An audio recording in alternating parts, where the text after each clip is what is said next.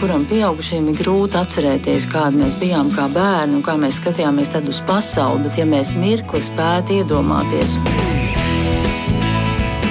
Mēs tiekamies ģimenes studijā.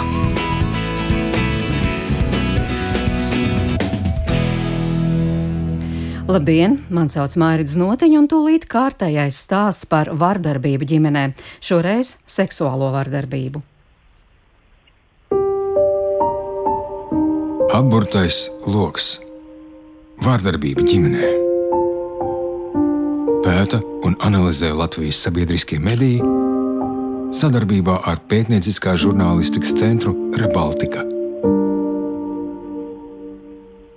Pēdējo piecu gadu laikā no seksuālās vardarbības cietuši gandrīz tūkstoši Latvijas bērnu, un tie ir tikai oficiāli reģistrētie dati.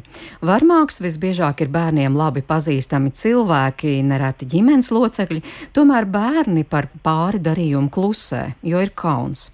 Kā atpazīt un kā palīdzēt, to pat tālruni es jautāšu studijas viešņām, centra pret vardarbību dardedze valdes loceklē Lailē Balodē. Labdien, Laila! Labdien! Šeit ģimenes studijā un arī valsts policijas krimināla izmeklēšanas pārvaldes psiholoģijai Dacē Landmanai. Sveiciens arī jums! Jā, labdien visiem! Vispirms tomēr nezinu, kura no jums, bet varbūt Laila var paskaidrot, kas tad ir seksuālā vardarbība pret bērnu. Bieži lietots jēdziens, bet katrs to tomēr izprot citādi. Tā ir taisnība. Šis jēdziens tiek lietots bieži, bet nevienmēr tas tiek saprasts tā, kā ir domāts patiesībā. Ja seksuāla vardarbība pret bērnu ietver visas darbības, eh, kas tiek veiktas pret bērnu un kuras pieaugšam cilvēkam sagādā seksuālu baudu. Un tās var būt arī darbības, kas nav saistītas ar pieskaršanos bērnam. Tātad uh, seksuāla vardarbība bērnam var nodarīt viņam arī nepieskaroties. Bērnu novērojot, bērnu izsakojot, Eh, bērnu priekšā demonstrējot uh, savu dzimumu orgānus vai dzimumu attieci, attiecības ar citu pieaugušo, ar bērnu kopā skatoties un pārunājot pornogrāfiski satura uh, literatūru, video un tā tālāk. Bet visos šajos gadījumos bērns ir cietušais. Jā, visos šajos gadījumos, tad, ja tas ir pierādīts, tad mēs viņus varam saukt par cietušo. Kāda statistika paraksturojot mazliet šo ainu, tātad, kas biežāk cieši zēni, meitenes, kurā vecumā? Dažādā vecumā, dažādi dzimumi, un, un tas, ir, tas ir ļoti atšķirīgi, bet nu, parasti tiek nu, pieņemts, ka meitenes cieši vairāk. Meitenes cieši vairāk no seksuālas vardarbības. Uh, mēs arī darbā to saskaramies, ka vairāk mūsu klientes ir meitenes, un, un protams, viņas līdz palīdzībai nonāk atšķirīgā veidā. Ir bērni, kuri paši vēršas pēc palīdzības, ir pieaugušie, kur satraucas par bērnu uzvedību, un ir situācijas, kur pieaugušie, kuri pie mums nonāk jau kā vecāki, mēs ar viņiem strādājam, un tad viņi sāk stāstīt par to, ko viņi ir piedzīvojuši uz bērnu. Un varmāka ir bērnam diezgan labi vai pat labi pazīstams cilvēks, nevis tur kaut kāds ļaunais onkulis uz ielas. Jā, vardarbība pārsvarā notiek ģimenē, tuvu cilvēku attiecību lokā, jo šis ir iemesls arī, kādēļ vardarbības gadījumi ir tik grūti atklājami. Jo bieži vien ar bērnu tiek darītas darbības, ko viņš nesaprot, ko viņš neapzinās, ka viņš nevar dot tādu apzinātu piekrišanu vai arī apzinātu nepiekrišanu. Eh, jo viņš nereti pie šādām darbībām tiek pieradināts jau no agras bērnības. No agras bērnības tas varētu būt tātad arī tiešām pavisam pirmsskolas vēl vecumā. Arī tādi gadījumi ir. Protams, pavisam vēl mazāk bērniņi, divgadnieki, trīsgadnieki, e, piemēram, kur pieaugušie cilvēki viņus apkopjot un apmazgājot, nu, ļaunprātīgi izmanto viņu ķermeņus, un bērns jau īsti nesaprot, vai tas ir pareizi vai nē, jo ļoti bieži viņam citas pieredzes nemaz nav bijis. Dārsa Landmane, jūs droši vien varētu papildināt, jo tai ieskanējās šie gadījumi ir grūti atklājami un nereti paliek vispār neatpazīti. Un tā statistika arī neraksturo īsto situāciju, kāda ir Latvijā. Nu, jā, es noteikti arī varu piekrist to, ka mums ir redzama tikai aizberga redzamā daļa, jo es nedomāju, ka mēs uzzinām par visiem seksuālas vardarbības gadījumiem. Un kāpēc tā?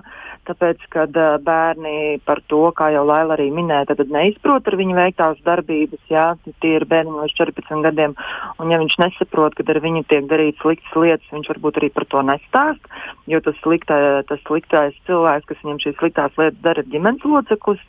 Un tad ir bērniem bieži vien tas priekšstats, ka ģimenes loceklis ir labs un viņi par to nestāst. Tas ir viens. Otrs, protams, arī ir šīs emocijas, kauns, vaina, kas viņam liedz par to stāstīt jau tādiem lieliem bērniem. Un tad, man liekas, iezīmēs vēl tāds trešais virziens, ja bērns kādam arī to stāsta. Tas var būt tuvinieks, mamma, tētis, tas var būt kāds institūcijas pārstāvs, skolotājs, ka viņam nenotic vai tā, no, tā reaģēšana ir bijusi neatbilstoša, uz kā bērns noslēdzās. Un tie ir arī visi tie gadījumi, kāpēc es domāju, ka mums vēl pietiekami daudz ir arī šie latentie gadījumi seksuālai vardarbībai. Bet kā mēs atpazīstam, tad, ja bērns par to stāsta, tas ir vislabākais variants, kad var uz, nu, izmeklēt un saprast, kas ir noticis. Bet uh, Laila arī iezīmē, ka cieši arī bērni, kuriem ir divi un trīs gadi, un šie bērniņi pastāstīt, tad, tad viņi spējas pastāstīt par piedzīvoto seksuālo vardarbību ir ierobežots, un tad ir kaut kādas pazīmes, kas varētu norādīt uz seksuālo vardarbību. Nu, šie gadījumi ir ļoti apgrūtinoši, jo var būt bērnam ka viņam parādās kaut kādas grūtības vai kaut kāda, es nezinu, viņš atkailinās uh, bendārzā un aizskar savus dzimumu orgānus, bet tas automātiski arī var neliecināt par seksuālo vardarbību. Tas var liecināt par kaut kādu, es nezinu, nepareizā veidā iegūtu informāciju. Un, protams, šie gadījumi tādēļ atklāt ir ļoti grūti, jo bieži vien tas balstās tikai uz bērnu liecībām. Jā, ģimene... liecinieku nav. Jā, ģimenes studija uzrunāja arī kādu ģimeni, kur adoptējusi bērnu, un tikai pēc kāda laika atklājās, ka meitene ir cietusi no seksuālas vardarbības. Vecāki nevēlējās atklāt savu vārdu un par notikušo atsūtīt tikai rakstiskas atbildes. Mēs citējam tās. Kā pamanījāt, ka kaut kas nav labi? Sākotnēji aizdomīgas likās eh, meitas pārāk lielās, astoņu gadu vecumam neatbilstošās zināšanas par seksu, netipiski liela interese par jautājumiem saistībā ar intīmajām attiecībām. Novērojām arī dažas epizodes, kad attiecībā pret vīru bija tāda kā nojaušama seksualizēta uzvedība, ļoti flirtējoša, izaicinoša un, jāsaka, atkal vecumam neatbilstoša uzvedība, kustības, runa. Diemžēl ne no bāriņtiesas, ne auģu ģimenes mums iepriekš nebija informācijas par to, ka varētu būt kādas aizdomas par piedzīvoto un to, ka ir kādi signāli. Kā jūs par to pārliecinājāties? Kad meita bija pie mums gandrīz divus gadus, mēs informējām, ka esam kontaktā ar viņas bioloģisko tēti, un viņš par meiteni interesējas, jo mūsu pieeja bija aizvien ir palīdzēt uzturēt kontaktu arī ar bioloģisko ģimeni. Tad sākās straujas izmaiņas uzvedībā. Meita kļuva ļoti nomākta, nervoza, pastiprināta bija nakts enurēze. Sākumā domājām, ka tas tāpēc, ka viņas dzīvē atkal parādījies tētis. Pēc psihologa ieteikuma nopirkām skaistu dienas grāmatu, kur viņa var rakstīt savas domas, ja vēlas.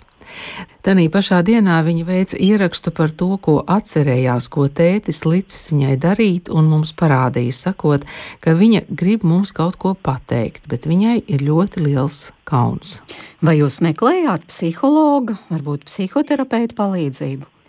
Jā, mēs vērsāmies gan atbalsta centrā, kurš tālāk palīdzēja saorganizēt vizītes pie psihologa, gan izskaidroja izmeklēšanas procesu un sniedza cilvēcisku atbalstu arī mums pašiem. Bet kāda pierādījuma nepieciešama, lai vērstos tiesību sargājošās instancēs?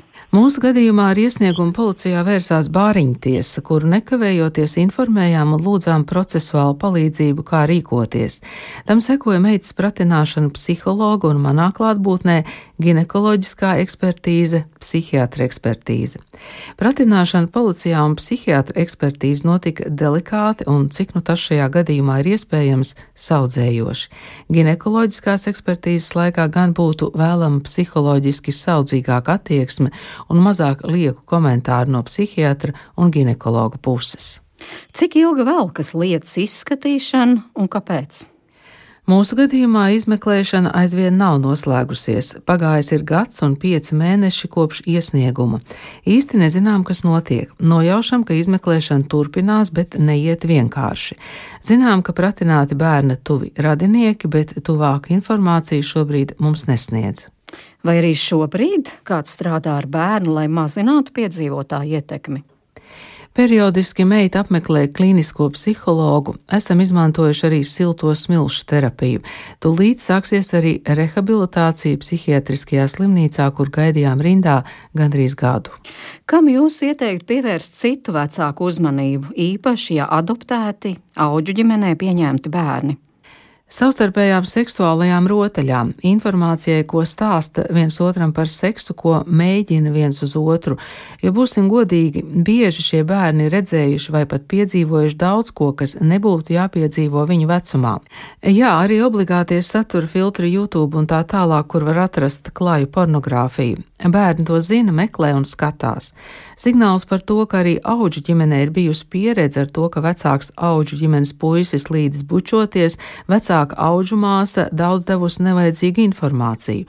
To stāstīja mūsu meita. Un mēs zinām, ka meita ir ļoti jāuzmana.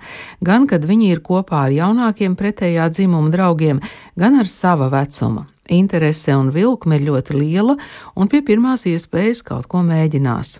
Protams, ka nevajag krist arī galējībās. Nemitīgi jāsaprot, kas ir vecuma posmam atbilstoša seksuāla uzvedība, bet kas savukārt liek kļūt uzmanīgai.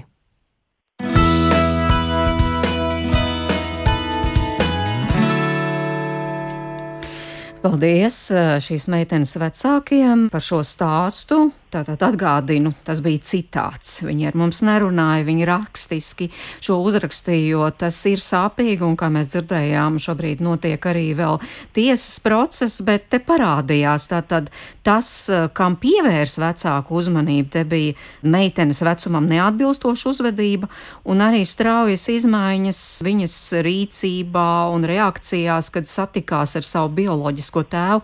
Faktiski divas ļoti būtiskas lietas, vai ne? Jā, tā ir taisnība, jo nu, faktiski mums kā pieaugušiem būtu jābūt pietiekamai informācijai par to, kas ir vecumam atbilstoši un kas neatbilstoši uz, uzvedību bērnam. Un, ja mēs to zinām, tad mums ir daudz vienkāršāk nu, nolasīt tīpaši šādu bērnu uzvedību un saprast tās uzvedības nozīmi, uh, ja mēs to bērnu paši neesam audzinājuši. Mums īstenībā nav informācijas par viņu pieredzi līdz tam. Uh, šajā gadījumā man laikam uzreiz ir jāsaka, ka darbdzē ir viens lielisks resurs ikvienam klausītājam, kas varētu noderēt. Tā ir tāda mājaslapa ar nosaukumu pasargā bērnu.lv, kur ir uh, šis bērnu seksuālās uzvedības luksafors iekšā ielikts. Respektīvi, ir sadalīti bērniņi pa vecuma posmiem un ir atzīmēta viņa uzvedība. Uh, jo mēs zinām, ka bērns seksuālā veidā uzvedas jau nu, ļoti, no ļoti, ļoti agra vecuma, un te ir svarīgi saprast, par kādu uzvedību mums ir jāuztraucās, un varbūt kādu uzvedību ir labāk vēlams tomēr ignorēt. Nu, piemēram, un, šeit meitenei astoņi gadi, kas būtu tā uzvedība vecumam neatbilstošā uzvedība, kurai būtu vērts pievērst uzmanību? Es domāju, vecāki ļoti brīnišķīgi konstatēja faktu, ja bērnam ir pārāk detalizētas zināšanas par seksualitāti un seksuālām attiecībām. Tas ir viens ļoti nozīmīgs uh, nu, faktors, kur vajadzētu savu uzmanību sācināt un mēģināt noskaidrot, kādos apstākļos bērnam šī informācija ir bijusi pieejama. Protams, ir iespēja, ka bērns ir arī skatījies pornogrāfiju, un viņiem ir iespēja šādu veidu uzvedību atdarināt arī tad, ja viņi to ir nevis piedzīvojuši, fiziskā veidā, kas mums kā pieaugušiem liekas ļoti mulsinoši, bet tikai redzējuši. Tātad, ja viņš ir redzējis pornogrāfiju, kas nav vecumam atbilstoša, viņš arī var gribēt to atdarināt. Bet par to noteikti arī mums, kā pieaugušajiem, ir jāuztraucās. Tas arī bērniem kaitē. Nu jā, kā jau jūs teicāt, raidījuma sākumā arī tā ir seksuāla vardarbība. Bet, kā mēs dzirdējām, šajā gadījumā tātad vecāki ir reaģējuši, un tas ceļš nav bijis viegls. Tas ir jāpierāda. Es domāju, ka tas acīm redzot šajos gadījumos ir visgrūtākais, kas arī ievelk šos tiesas procesus, kā šajā gadījumā tur gads un piec mēneši, un varbūt vēl ilgāk un kas arī neļauj to tā nu, precīzi pateikt un sodīt varmāku. Dācis Lāna, man piekrītat? Uh, jā, es, es, gribēju pateikt paldies mammai, kas dalījās ar pieredzi un tā ļoti labi ieskicēja arī tās situācijas, ar ko vecāki saskarās, tad, kad saņem bērnu no auģu ģimenēm vai jā, adopcijā, jā, kad, kad tās ir tās riska grupas, kur bērni ir piedzīvojuši. Un, un jāsaka, mamma arī ieskicēja šo izmeklēšanas ceļu, un izmeklēšanas ceļš nav viegls. Un viens, ko es gribēju teikt, kad mēs, protams, policijā saņemam uh, iesniegumus, daļu iesniegumus, kur tiešām ir tikai šīs pazīmes. Un mamma minēja, un viņa sākumā aprakstīja, ka viņa pievērš uzmanību meitenes uzvedībai. Ja? Tur uh, ir uh, izrāda interesi par intīmām attiecībām, parādās šī seksualizētā uzvedība, un ko mamma savilka kopā, ka tad, kad meitene uh, kā, tikās vai bija atsākusies komunikācija ar bioloģisko tēvu, parādījās nakts cenurēs. Mums kā policijai ir liels izaicinājums saprast, vai tur ir bijusi šī seksuālā vardarbība vai nē. Tajos gadījumos, ja bērns neko nerunā, bet ir tikai pazīmes. Jo varētu būt, ka šis tēvs nav bijis seksuāli vardarbīgs, bet ir bijis fiziski vardarbīgs vai vienalga kaut kā psiholoģiski traumējošs bērnam. Un, jā, tas arī man kā psihologam ir liels izaicinājums, kā ar bērnu runāt, lai viņš pastāsta, kāda ir šī attieksme pret to tēvu un ko tēvs ir īsti izdarījis un saprast, kas ir bijis traumējošs. Un reizēm Protams, ka tas ir saistīts ar seksuālu vardarbību, un tad šī izmeklēšana, protams, aiziet daudz veiksmīgāk, jo mums ir vainīgā persona. Mēs varam noskaidrot, ko tieši bērnam ir darījis šis cilvēks. Bet uh, ir gadījumi tādi, kad bērni varbūt ir tik mazi, ka nevar pastāstīt. Mēs redzam, jā, viņam ir bijusi traumatiska pieredze, bet mēs netiekam klāt, kas ir bijis. Tad bērnam ir divi, trīs gadi vai četri gadi viņš nevar pastāstīt. Tie var būt lielāki bērni, kuri vairāk nevienam neuzticas un vispār neiet uz kontaktu un nestāst par notikušo. Nu, ir gadījumi, ka bērni vienkārši pajautā, kas manā dzīvē mainīsies, es jums pastāstīšu, ko es esmu piedzīvojis un viņš ir eh, nu, bijis ilgstoši dažādu, dažādās augu ģimenēs uzturējies. Ja.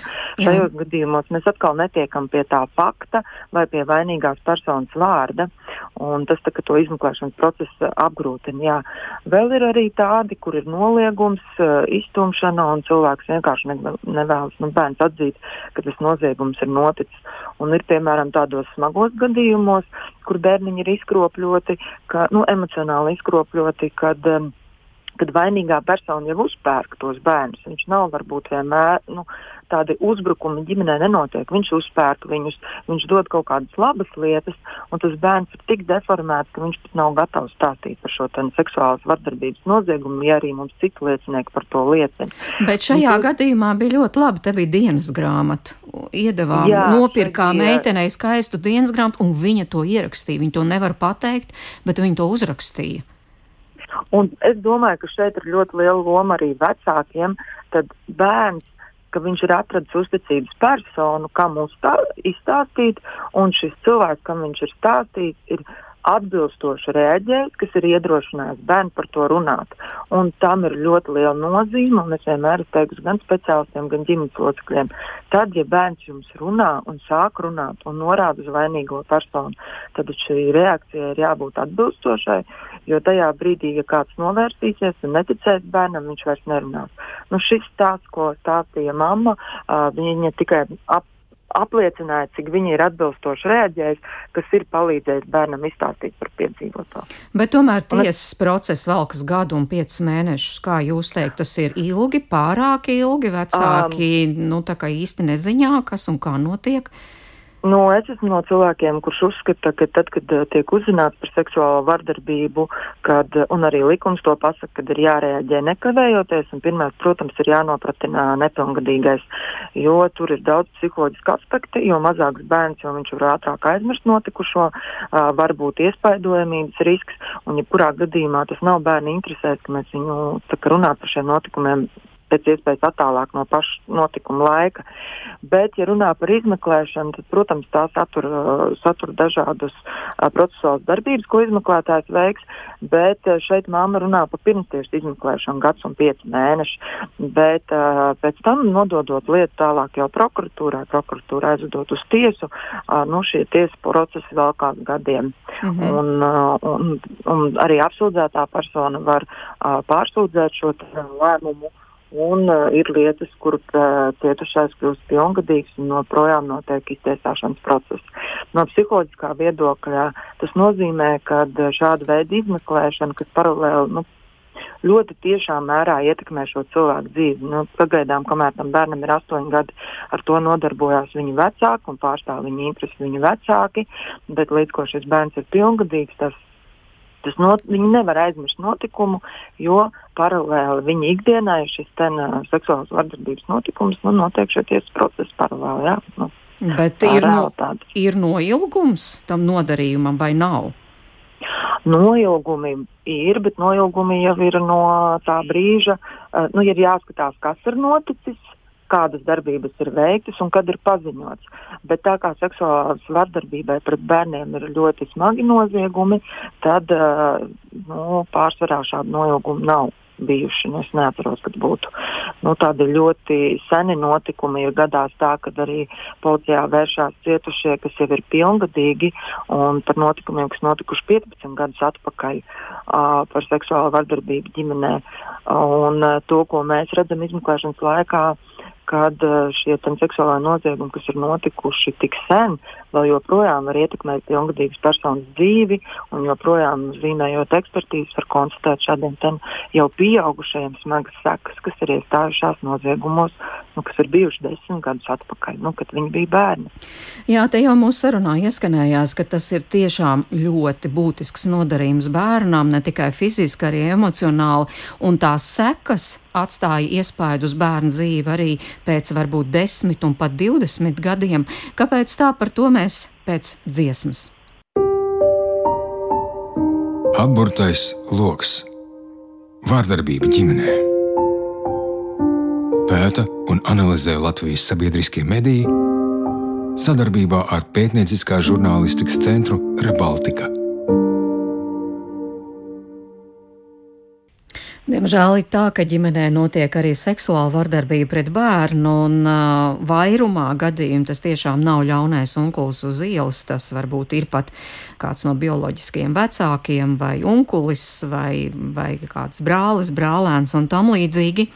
Kā novērst šos noziegumus un kā palīdzēt bērniem par to šodien sarunu ģimenes studijā un pa tālruni mūsu sarunā piedalās centra pret vardarbību Dardedz valdes locekle Laila Balode un arī valsts policijas krimināla izmeklēšanas pārvaldes psiholoģi Dace Landmane. Un pirms dziesmas jau Dace Landmane teica, ka šis ir tāds noziegums, kurš nav aizmirstams, un, ja nepalīdz, tad nereti šie bērni izaug lieli, un tas traucē viņiem normāli dzīvot. Varbūt Laila Balode par šo varētu paturpināt.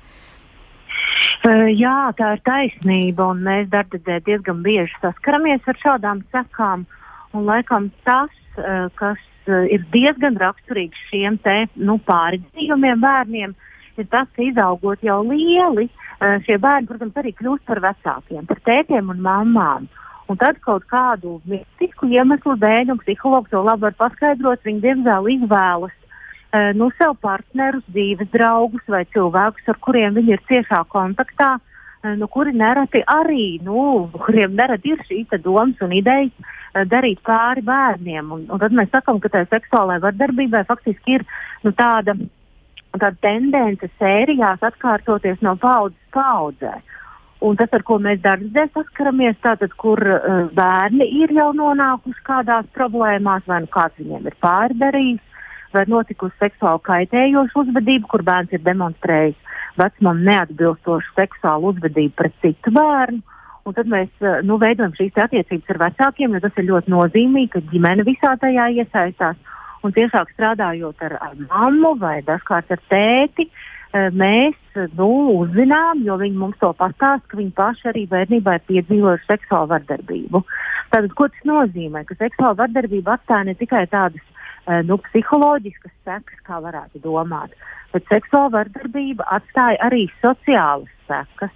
Tātad ļoti nopietnu nospiedumu uz to, kā mēs kā pieauguši cilvēki veidojam attiecības, kādus partnerus mēs izvēlamies, kādus draugus mēs izvēlamies un kādas attiecības valda šajās draudzībās un partnerībās. Bet ir iespēja palīdzēt vai ne? Ja laicīgi atklāja šo pāri darījumu, tad ir iespēja palīdzēt. Nu, viennozīmīgi ir iespēja palīdzēt, un, un šis, manuprāt, tieši tādēļ ir ļoti, ļoti labs veids, ka mēs uzrunājam ārkārtīgi daudzus uh, Latvijas iedzīvotājus, gan lielus, gan mazus gan tādu, kuriem pašiem ir bērni, gan varbūt tādu, kas jau ir vecāki. Ikvienā vecuma posmā, ja mēs apzināmies un atceramies šādus savas dzīves notikumus, ja mēs saprotam, ka tie mums reāli šobrīd šeit un tagad traucē dzīvot, ir jāmeklē palīdzība. Ir jādodas pie psihologa, ir jādodas pie psihoterapeita un jāmēģina ar šo visu tikt galā. Un tas patiešām ir iespējams, un tas, manuprāt, ir jādara nekavējoties tik līdz kā mēs apzināmies, ka šādas lietas ar mums ir notikušas. Dāca Landmane pie jebkura psihologa, psihoterapeita? Nu, noteikti ir jāvēršās pēc palīdzības, bet ko es gribētu teikt, ir, nu, tas ir viens, kas ir notiek, kad noziegums rada kaut kādas šīs sekas, un otrs, ņemot vērā, ka šobrīd ir ļoti nu, dažādas iespējas cietušajiem. Tad no vienas ir palīdzības iespējas, ir dažādas institūcijas, kas ir saistītas ar to, un otrs virziens ir izmeklēšana. Šīm darbībām ir jābūt saskaņotām. Jo arī šai palīdzībai ir jābūt saskaņotai. Jo ļoti liels būtisks arī tāda tā nozīme, vai tā trauma attīstīsies vai neattīstīsies, ir kas notiks ar šo bērnu un viņa ģimeni pēc nozieguma. Kāda būs šī atbalsts, kāda institūcijas šim cilvēkam piedāvās palīdzību, ko viņi stāstīs, kā viņi paši attieksies pret šo cietušo un pret viņu vecāku. Nu, tas, tas būtu, man liekas, viens, kas ļoti jāpadomā. Jo tiešām, ja mēs uzliktu šo cietušo, nu, tad šīs institūcijas, kas viņam ir riņķī tajā brīdī, kad uzzina par seksuālu vardarbību un cik daudz šie speciālisti riņķī, tas ir ļoti liels cilvēku lokus. Nu, tas ir viens, kas man liekas, ka, ka ir ļoti jā, jādomā par saskaņotu un mērķiecīgu palīdzību gan bērnam, gan ģimenei. Jūs uzsvērāt abas, gan bērnam, gan ģimenei, jo starp citu arī šiem vecākiem, kur uzzināja, tas nav viņu bioloģiskais bērns, bet vienalga, kad viņi uzzināja, tas viņiem bija nu, milzīgs šoks, un faktiski tā palīdzība, lai emocionāli atgūtos, bija vajadzīga arī viņiem, ne tikai bērnam, kurš ir cietis. Es viennozīmīgi esmu par to, ka bērna, bērna vecākiem arī ir jāsaņem šī, ten, šī, šī palīdzība, jo viņi ir tie, kas ikdienā ir kopā ar bērniem. Ar bērnu, kurš ir cietis. Un šī ten, šīm attiecībām ir ļoti liela loma, kā bērns atgūsies pēc šīs piedzīvotās vardarbības. Un arī vecāks būs tas, kas pamanīs, vai ir šīs izmaiņas vai nav, un kādā virzienā tās izmaiņas iet, ja tās sekas ir bijušas pietiekami smagas. Jā, nu, Varbūt arī... no savas puses, ko es gribu piebilst, runājot par sakām, ko mēs saskaramies. Viens ir tādā emocionālā plānā, ir šīs sekas, ja ir kauns, vaina, bailes.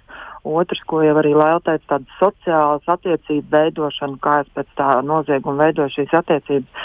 Bet viens, ko mēs arī pamanām, tas nav bieži, ka šī vardarbība ir bijusi ilgstoša un bērniem pilnīgi ir izkropļots priekšstats par seksualitāti. Viņi jau sāk uztvert, ka seksuālas attiecības 7, 8 gadu vecumā ar uh, pieaugušu cilvēku, vai tas ir ar tēti, auģu tēti vai nezinu, ar kaimiņu, ir kā norma. Un uh, šajos gadījumos jūs runājat par tādu jau tādu personības līmeņa tādu izkropļojumu vai deformāciju. Un šeit es pie, pieļu, pieļauju iespēju, ka desmit reizes, ko valsts apmaksā konsultācija pie psihologa, ir nepietiekama, lai mazinātu tās sakas, kas jau ir tik ļoti deformējušas šo bērnu. Schēma izklausās vienkārši. Nu, tā tad, ja izdevās atklāt, nu, tad uz priekšu meklējam palīdzību, ejam pie psihologa, palīdzēs, viss būs kārtībā dzīvē. Nav tik vienkārši kaut vai, ja atceramies ģimenes stāstu, tur arī, piemēram, tā valsts piedāvātā palīdzība gadu gaidīja, manuprāt, vecāki teica, un tagad tikai bērns varēs eh, saņemt eh, šo psihiatru palīdzību slimnīcā. Jā, un es, es vēl gribēju papildināt to, ka nav jau jāgaida, vai tas noziegums tiks pierādīts vai nē. Jebkurā ģimenē, kurā mēs redzam, ka bērnam ir grūtības, neatkarīgi no tā cēloņa, ir jānodrošina šim bērnam un ģimenei palīdzība. Varbūt šis cēlonis būs noziedzīgs nodarījums, ko atklās policija, varbūt tas nebūs noziedzīgs nodarījums, un varbūt tas ir noziedzīgs nodarījums, ko policija nevarēs pierādījumu trūkumu dēļ pierādīt. Bērnam, kuram ir problēma, vai viņam ir nakts cenu reize, vai viņam ir uh, augsta riska tāda uzvedība, kas var novest pie kaut kādām seksuālām uh, attiecībām pāragrām, ar to ir jāstrādā neatkarīgi no tā, ko dara policija paralēli. Laila Balode no vienas puses it kā viss sakārtots un zināms, no otras puses savā ziņā aburtais loks tām ģimenēm, kuras ir šajā situācijā. Piekrītat? Es pilnīgi tam piekrītu, un droši vien arī nu, eh, no tādas eh, apgalvojuma, ka viss ir sakārtots, es arī laikam atturētos. Jo, manuprāt, mēs vēl esam diezgan, diezgan tālu ceļā no, no tā, ka mēs varētu teikt, ka mūsu sistēma ir pilnībā sakārtota. Manuprāt, vēl joprojām sistēma nav bērnam draudzīga, lai gan, protams, ir ļoti labi, ka ir šīs desmit valsts apmaksātās konsultācijas, bet man pilnīgi jāpiekrīt Dacei, ka reizēm desmitajā konsultācijā tikai psihologam izdodas izveidot kontaktu ar klientu. Un dažkārt tā intervence ir nepieciešama 20, 30 un pat gadiem ilgi. Jā, tātad 20, 30 konsultācijas vai pat gadiem ilgi, jo tas nodarījums, tas deformējums, kas bērnam ir radies, tas ir tik dziļš, ko nevar nu, tā ar desmit reizēm vienkārši izmainīt. Un, protams, ģimene, jo e, šeit arī Dārsa minēja visi tie paralēlie procesi, kas notiek. Tātad izmeklēšana, bērnam pienākums liecināt, e, gaidīšana uz tiesu, tas, kas notiek ģimenes attiecībās, viena daļa vecāku varbūt tic, e, citi nu, izliekās, ka tic, bet sirds dziļumos cer, ka bērns kaut ko ir sajaucis. Citi varbūt hiperbolizē to problēmu, ja tā tad nu, pieliek tai pārāk lielu nozīmi bērnu dzīvē, nekā tas ir patiesībā. Un līdz ar to, lai salīdzvarot visus šos darbojošos personāžus, ir, protams, nepieciešama izpratne no visiem tiem cilvēkiem, kas iesaistās šajā procesā. Un arī tāda nu, ļoti um, tāda la, labprātīga un zinoša līdzdarbošanās kas nevienmēr nu, mūsu valstī ir pieejama. Jo īpaši, ja mēs runājam par attālākiem reģioniem, e, nu, pie lielajām pilsētām, manuprāt, šobrīd psihologu un labu psihologu var atrast, bet, ja mēs runājam par attālākiem lauku reģioniem, es zinu, ka ir nu, pietiekami, e, pietiekami grūti atrast cilvēku, kurš būtu gatavs tur strādāt un, un kurš pie tam vēl labi orientētos arī šajā ļoti specifiskajā jomā seksuālā vardarbība pret bērnu. Šo jautājumu, vai viss ir sakārtots, ja runājam vai domājam par bērniem, kur cietuši no seksuālās vardarbības, to ģimenes studija jautāja arī Labklājības ministrijas bērnu un ģimenes lietu departamenta vecākai ekspertei Ivetai Krastiņai. Viņa arī piekrīt, ka šis un tas ir uzlabojams. Klausāmies! Iestādes ir konstatējušas šo te iestāžu sadrumstalotību pakalpojumu sniegšanā, bet ko es varbūt varu arī uzreiz pie šī minēt kā viena no tādām pozitīvajām lietām, uh, izstrādes stadijā jau nu kādu laiku ir šis te bērnu mājas projekts, kuram būtu jāuzsāk projektam īstenoties no šī gada 1. decembra. Ko nozīmē bērnu mājas projekts? Bērnu mājas projekts ir tiešā veidā vērsts uz uh, bērniem, kur ir cietuši no seksuālas vardarbības un šādu noziedzīgu nodarījumu atklāšanas. Tātad šis bērnu mājas projekts būtu valsts bērnu tiesību aizsardzības inspekcijas padotībā esoša iestāde, bet kas darbojas bērnu slimnīcas uh, teritorijā. Uh, principā šī projekts plānots un uzsākt īstenot ir no 1. decembra, bet faktiski pašas bērnu mājas atklāšana varētu būt 22. gada rudenī, jo līdz šim laika periodam ir paredzēta gan telpu renovēšana, gan speciālistu apmācība apmācības, bērnu mājas personāla nokomplektēšana un tam līdzīgu jautājumu risināšana, bet šis ir tas veids, kā varētu tikt pratināti bērni, bērniem saudzīgā veidā, bērniem sniegts pakalpojums, kas viss ir vienu vietu, jo šobrīd tā problēma, ko, protams, ir atzinuši arī speciālisti, arī mēs kā labklājības ministrija, tas, ka bērns tiek pratināts vairākas reizes par vienu un to pašu gadījumu un notikumu, un, protams, ka tas bērnam pat pieaugušajam cilvēkam tas ir traumē un bērnam jo īpaši, ka viņam ir jāatminās, ka viņam ir vairākas reizes jāatcerās šie notikumi un tam līdzīgi. Līdz ar to šis, šis ir tas, ko mēs saskatām kā tādu arī uh, pozitīvu lietu, kas nākotnē varētu mainīties un kas varētu mainīties tieši šiem bērniem, kas ir cietuši no seksuālās vardarbības. Protams, šis ir tikai viens no jautājumiem, ko mēs skatāmies, ko risina nu, dažādas iestādes, jo šeit arī ir tas jautājums, ka uh, šīs darbības ir uh, jāsakoordinē vairākām iestādēm, jo katra iestādē atbild par kaut ko savu. Piemēram, iekšlietu ministrijai ir bijuši izstrādāti dokumenti pret noziedzīgu nodarījumu novēršanu pret bērniem.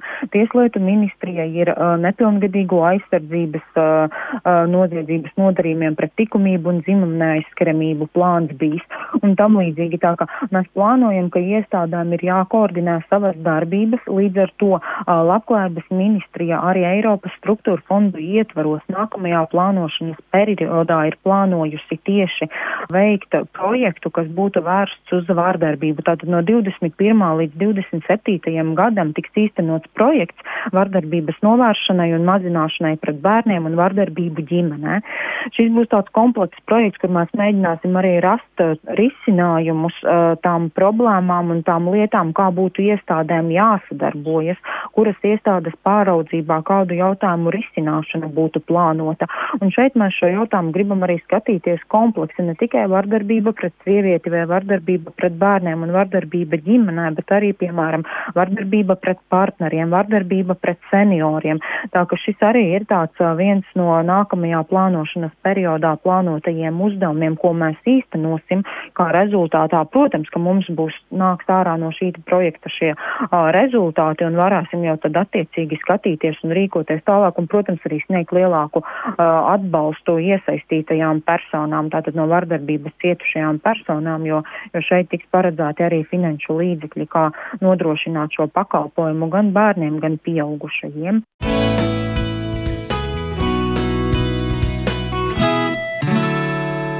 Tātad divi projekti, kurus minēja Labklājības ministrijas pārstāve Ivita Krastiņa, viens tāds pavisam reāls, un proti tā ir bērnu māja. Beidzot ir vai tūlīt sāksies darbs pie šīs mājas izveidošanas, bet Dardedz jau mēģināja tādu bērnu mājas pilotu projektu, kas nozīmē tiešām bērnu, kurš ir ciets no seksuālas vardarbības, tātad pratināt tikai vienu reizi atbilstošos apstākļos un visiem ieinteresētajiem speciālistiem klātesot. Varbūt Laila Baloda papildiniet mani, ja es tur kaut ko neprecīzi saku. Nē, viss ir ļoti precīzi, viss ir ļoti, ļoti precīzi. Mums patiešām bija tāda iespēja. Mēs, eh, mēs strādājām šajā jomā, faktiski Dārdedze kā nevalstiska organizācija jau no pašas pirmās dienas faktiski nodrošina bērnu nopratināšanas iespējas. Eh, tā kā tas nebija nekas jauns priekš mums, vienīgi pilotu projekta laikā mēs patiešām mēģinājām uh, pašu bērnu mājas modeli ieviest un mēģinājām iesaistīt uh, visus saistītos speciālistus, kuriem būtu svarīgi atrasties šajā blakus telpā nopratināšanai, lai tā informācija nokļūtu tur, kur tai ir jānokļūst.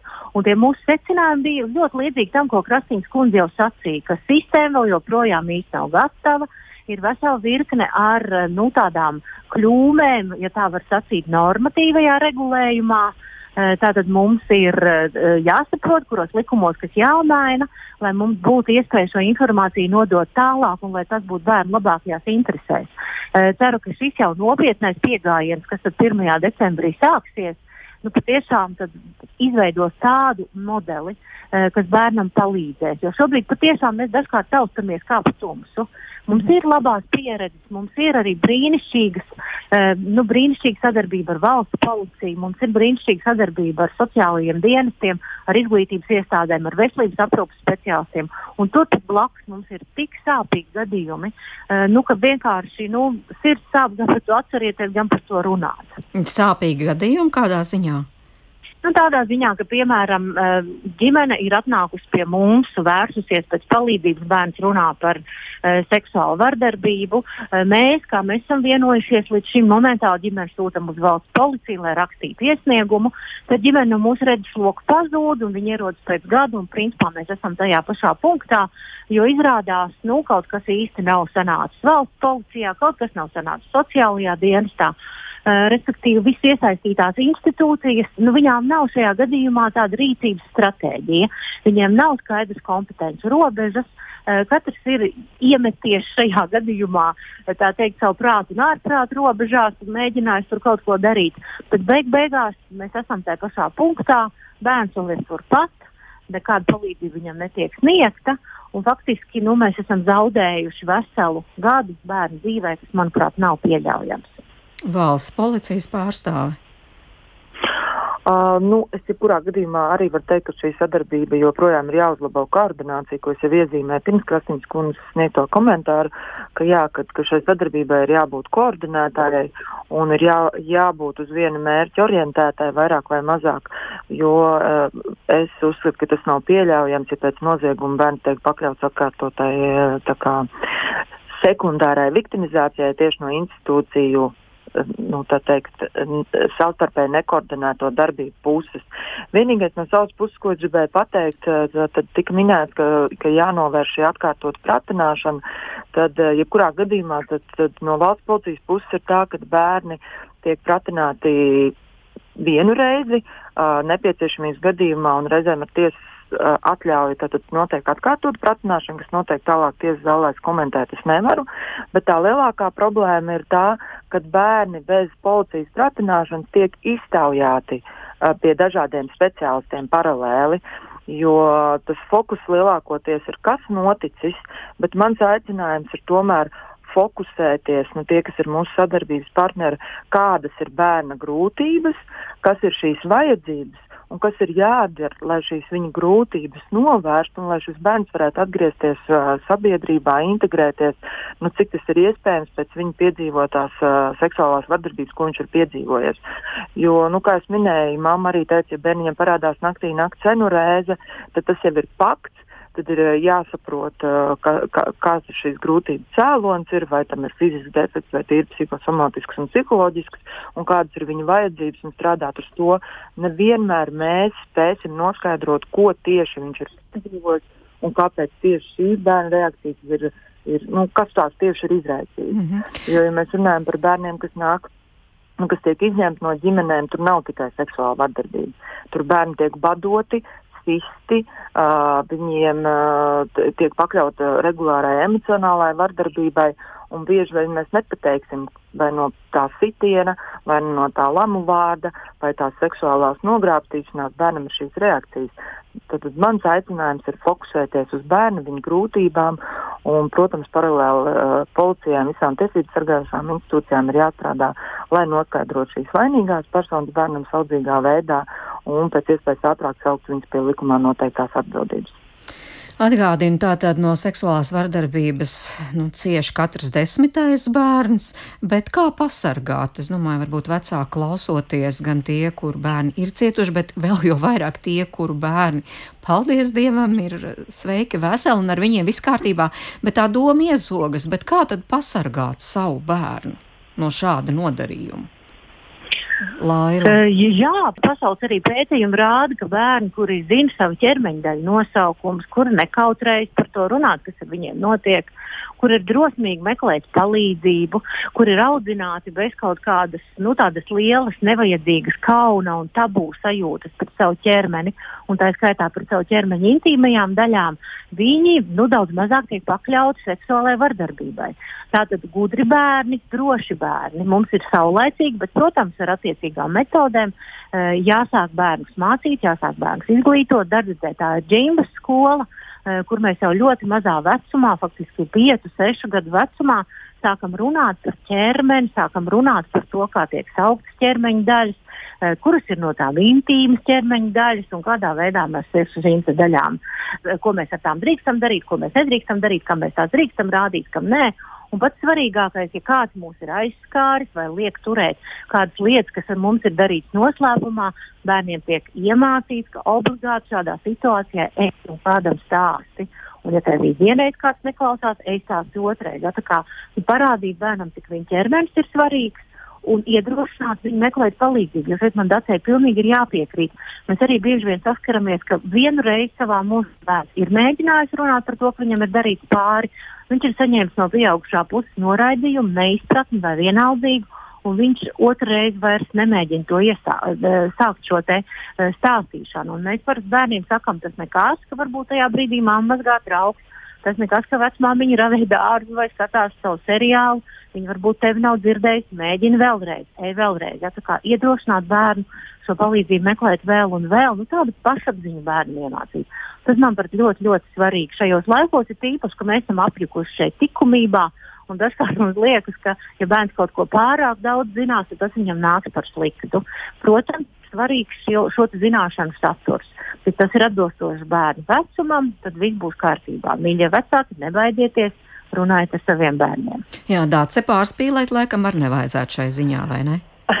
Nē, es piekrītu, ka atbilstoši vecumam, atbilstoši saturs, bet to, ko mēs esam novērojuši, nu, es esmu novērojis, tiekoties ar bērniem, kas jau ir cietuši, ļoti labi var pamanīt tos bērnus, kuri varbūt starp to noziegumu un nonākšanu pie mums ir bijuši šajās ten, preventīvās apmācībās, jo viņi uzreiz stāsta, kuras ir šīs lietas, ko var aiztikt, ko nevar aiztikt. Un, un attiecīgi ar viņu runājot, tālāk sarunas gaitā ir noskaidrots, jā, vai nu viņš ir apmeklējis džimu skolu vai bijusi kāda cita nodarbība. Un, un to var pamanīt tie bērni, kas ir izglītoti, ka viņi zina, zin, kas un kā. Jā. Kā, Paldies! Protams, prevencija. Prevencija un saruna bērnu atbilstošā veidā, tas uh, ir viens no veidiem, kā, protams, novērst šo noziegumu. Paldies! Es saku ģimenes studijas viešņām centra pret vardarbību Dardedze valdes loceklē Lailai Balodai un arī valsts policijas krimināla izmeklēšanas pārvaldes psiholoģei Dacei Landmanei. Raidījuma producenta Ilza Zvaigznē, es Mairidz Notiņu pie mikrofona. Sakām paldies jums, ka klausījāties un, protams, kā vienmēr aicinām uz tikšanos arī rītdien ģimenes studijā. Un rīt tiksimies ar īstu teatrāļu ģimeni.